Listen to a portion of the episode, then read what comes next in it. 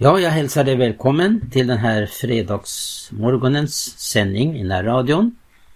Jag heter Tage Johansson och jag vill beröra idag någonting som är oerhört aktuellt. Och är det väl någonting mer aktuellt än just detta om sanningen om Jesu tillkommelse. Vi går nu in i ett nytt år. Vi vet inte om vad det året kommer bära i sitt sköte. Men det profetiska ordet det är så tillförlitligt och det är alltid någonting som kommer att gå i uppfyllelse. Ja, detta som Bibeln då talar om Jesu tillkommelse, det upplever vi att det står vi mycket nära idag. Och vi har många vittnesbörd som talar om hans snara ankomst. Vi kan se det av världshändel världshändelserna. Vi kan se det eh, vad som sker i naturen, i det politiska spelet i världen idag. Och vi kan se på många andra ting och Jesus har själv ju sagt att eh, eh i slutet av denna tid så kommer det att ske eh, jordbävningar, farsorter som det heter i 1917 års översättning. Och det kommer att eh, bli, eller det är ju redan nu hungersnöd i världen och det kommer också att förvärras. Ja, det kommer att ske också att det sker märkliga saker i hela universum. Det kommer att eh, bli inte bara naturkatastrofer utan också det kommer att visa sig skräcksyner. Vad Jesus själv säger. Skräcksyner kommer att visa sig på himlen. Och det till och med kommer att i slutskedet av den här tidsåldern ske detta att eh, solen förmörkas, molnen vändes till blod, och eh, det finns mycket, mycket annat att hänvisa till. Men jag ska idag verkligen eh, ta upp det här i samband med Jesu tillkommelse.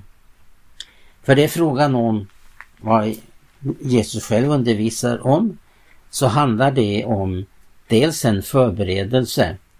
Det står i Uppenbarelseboken till exempel om Lammets bröllop och att dess brud har gjort sig redo. Vi ska alltså vara redo när eh, basunen ska ljuda. De döda ska stå upp och det som ännu lever skall, och som är redo ska förvandlas i ett enda nu.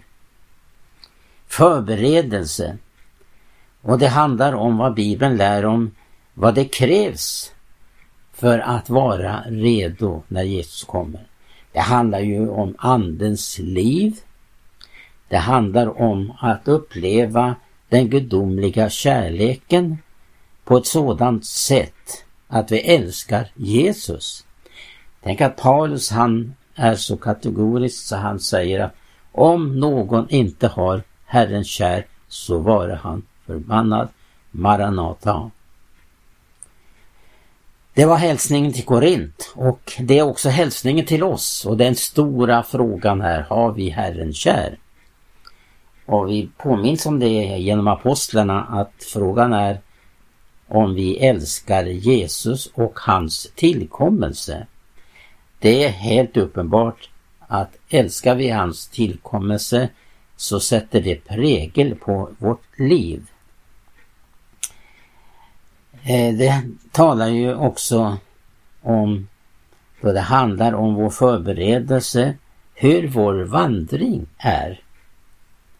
Det är mycket gripande att eh, under eh, lång tid så har anden förmedlat sitt budskap då det gäller Jesu tillkommelse, hur vi ska vara redo.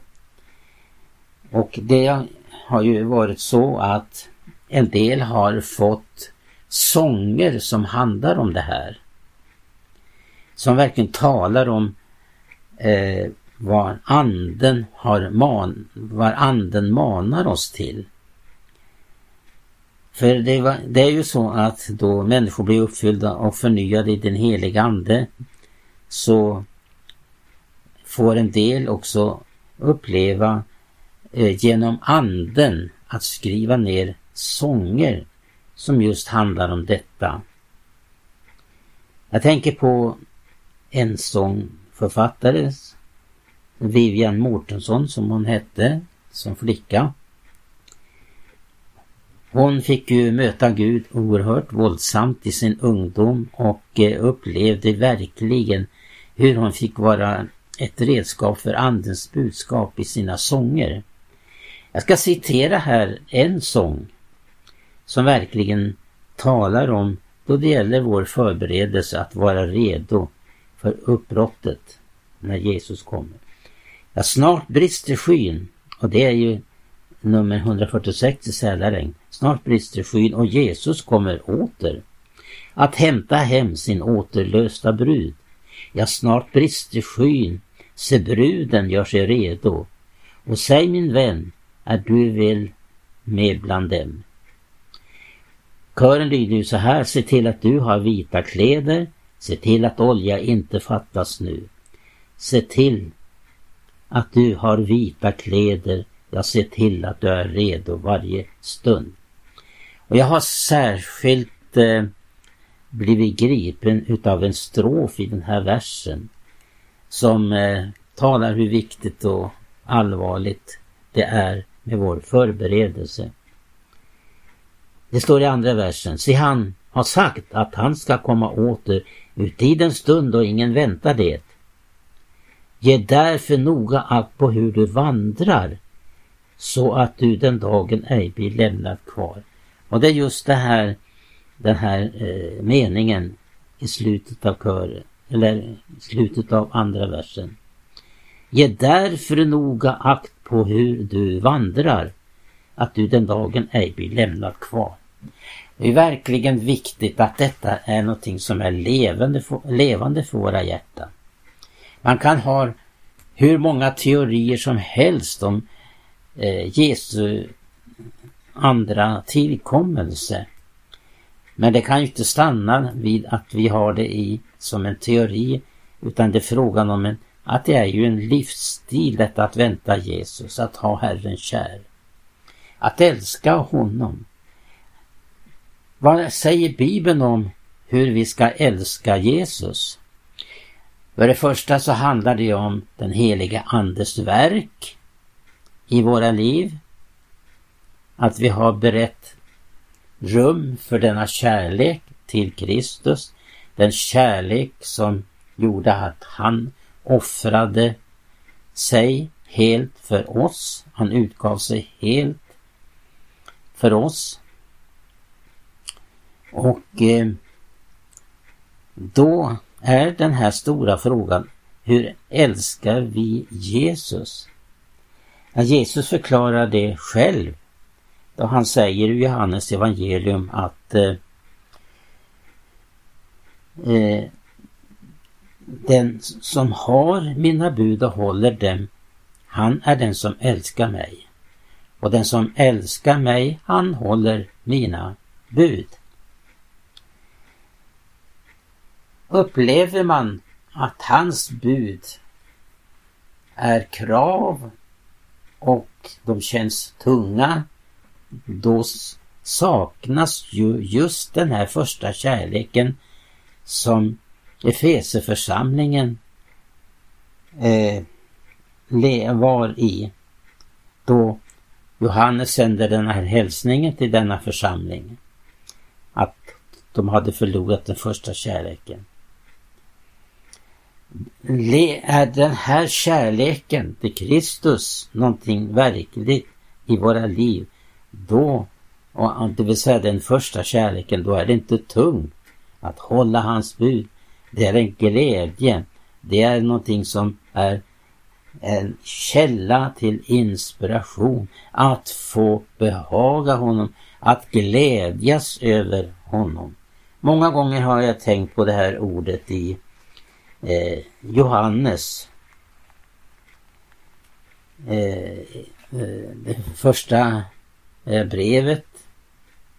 Johannes första brev, femte kapitel. Där det står att däri består kärleken till att vi håller hans bud.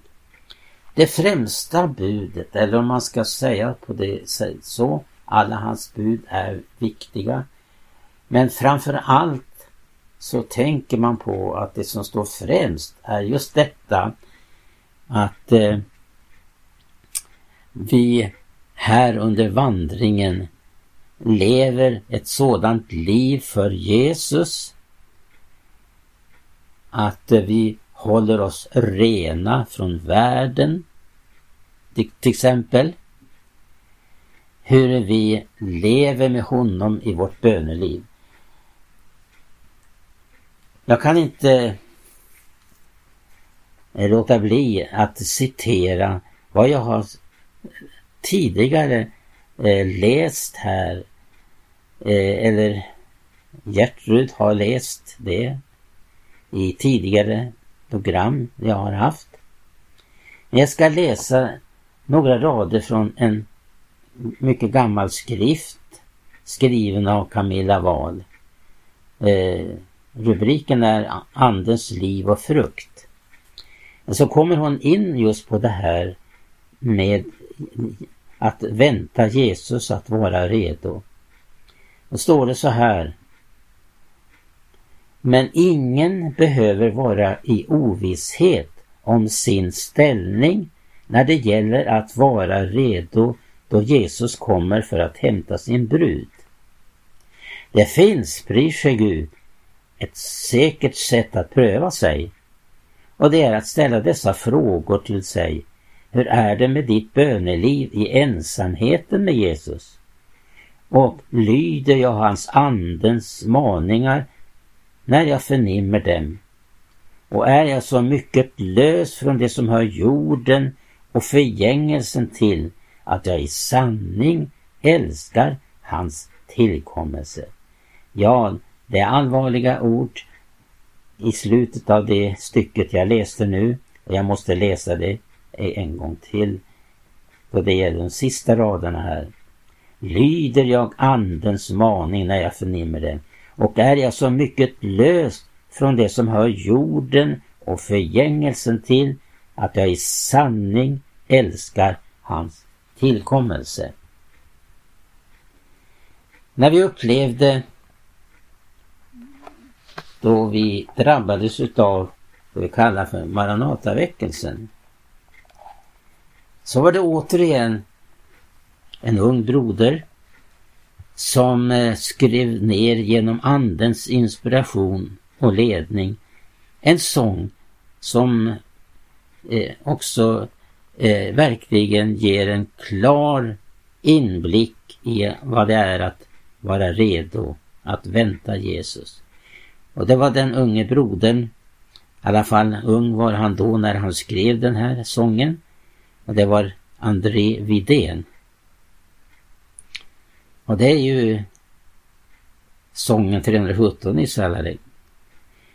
Han, han skrev ner så här genom andens inspiration.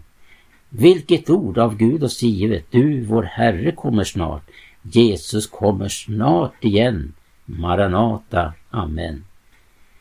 Kören lyder Maranata, Maranata. Jesus kommer snart igen.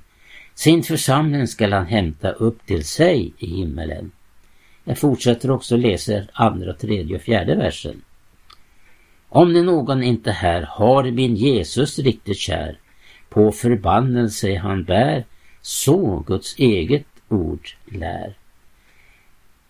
Maranataropet ljuder, till en trasig världen bjuder, kom till Jesus, liv han giver, och snart du hemma är. Låt oss därför gå till honom utanför lägret och bära hans märne, för Jesus kommer snart. Ja, Jesus undervisade just om det som eh, rör det här eh, underbara budskapet om hans återkomst. Han eh, varnar också och han talar till exempel i Lukas 21 från den 34 versen.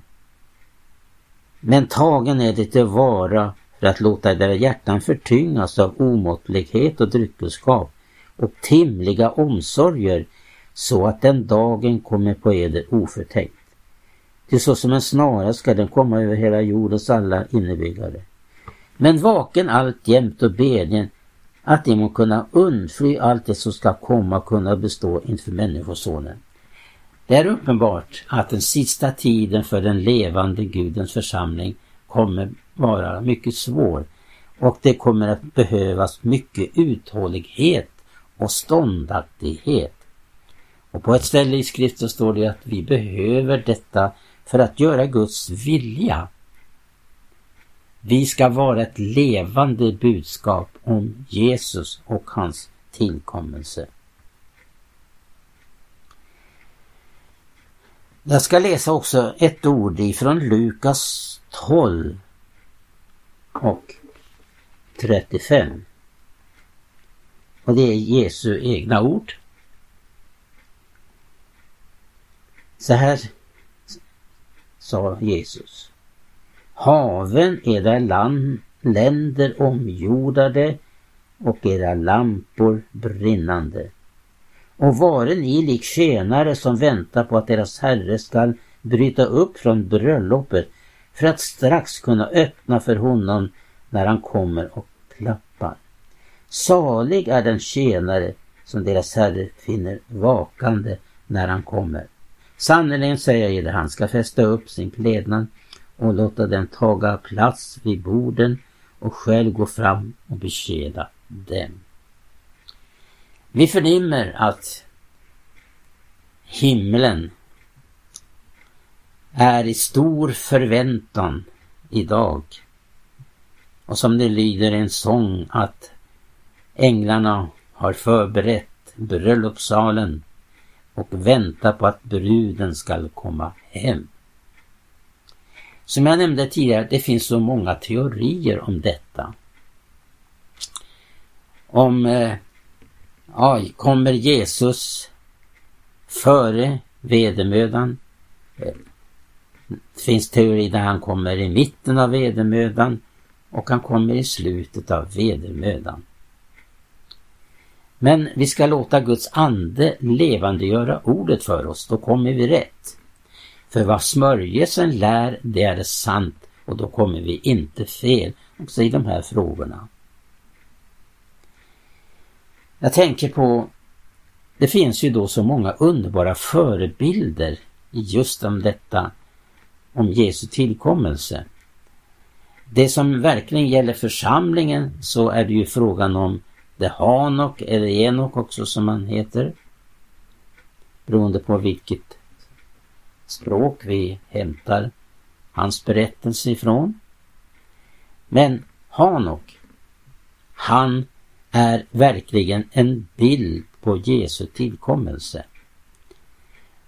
Och som någon också har påpekat att, och som jag också själv är övertygad om, Noa däremot, är en bild på judarna som skall vara med under hela vedermödans tid. Så som Noa fick vara med men upplever i slutändan en räddning. En dramatisk räddning. Liksom judarna ska uppleva en dramatisk eh, räddning när de är i den djupaste nöd. Bibeln talar om detta judafolk som ska gå igenom en luttringseld utan dess like. Därför att eh, judafolket, dess nation, är inte någon mer rättfärdig än någon annan nation på jorden, skulle man kunna tänka. Därför att det är så att det, det saknas verkligen eh, gudsfruktan i den nationen. Men Gud har gett ett underbart löfte till detta folk att landet skall eh, komma att uppleva hur Jesus när han kommer till Oljeberget, inte för att eh, eh, rycka hem församlingen. Det är ett annat skeende. Utan när Jesus kommer till Oljeberget, då kommer han i synlig gestalt. Just det här att Jesu tillkommelse sker i två etapper är väldigt viktigt att hålla isär för att komma rätt i den här undervisningen om de eskatologiska tingen.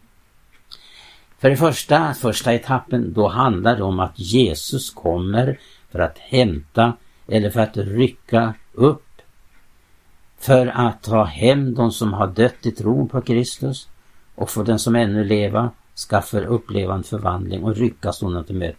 Jesus kommer inte hit ner till jorden vid det tillfället. Han kommer ner i den lägre himlarymderna och där ska vi möta honom. Men då det gäller andra etappen, då är Jesu ärende, då gäller det judafolket som då befinner sig i en fruktansvärd nöd när han sätter sina fötter på Oljeberget. Då kommer han till den plats där han själv lämnade lärjungaskaran en gång i tiden. Han kommer tillbaka på samma plats. Och, och änglarna säger just detta vid Jesu himmelsfärd att han ska komma tillbaka som ni sett honom fara upp. Då skall han komma synlig för världen. Och då skall krigsöverstar och andra eh, folk på jorden jämra sig vid hans åsyn. Och man ska ropa till höjden av bergen, skylens för lammets vrede. Då är det frågan om att Jesus kommer som domare och konung. Han kommer som en domare för att döma nationerna på jorden. Men han kommer också som en konung för att upprätta riket på jorden. Och därmed kommer då tusenårsriket att begynna. Men det är mycket som händer i samband med de här tingen som jag inte hinner gå in på nu. Men det som är väsentligt är nu att vi verkligen är redo för uppbrottet, uppryckelsen. Ofta tänker jag på den här sången om flyttfåglarna.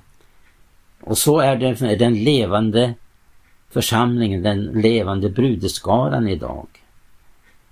Det är ju faktiskt, inom parentes får jag säga att det är en mycket begränsad skara som är redan när Jesus kommer och som räknas till brudeskaran. Ja, vi får väl avrunda här med just detta att eh, vi uppmanar varandra att vara redo. Att vi älskar hans tillkommelse. Att vi älskar Jesus över allting annat. Så eftersom nu det är det sista programmet för min del före nyår, helgen, så vill jag också den här gången eh, frambära en varm hälsning till närradiolyssnare och önskar en välsignelserik helg med Jesus i centrum. Då vi nu går in för att samlas och påminna varandra om Guds trofasthet och se fram emot detta löftesord det profetiska löftesord som lyser som en ljus i en dyster vildmark. Så ta emot hälsningen från oss här i Guldspång. Vi önskar er alla Guds rika välsignelse och så hörs vi igen om Herren dröjer och vi får leva. Gud välsigna er, var och en. Amen.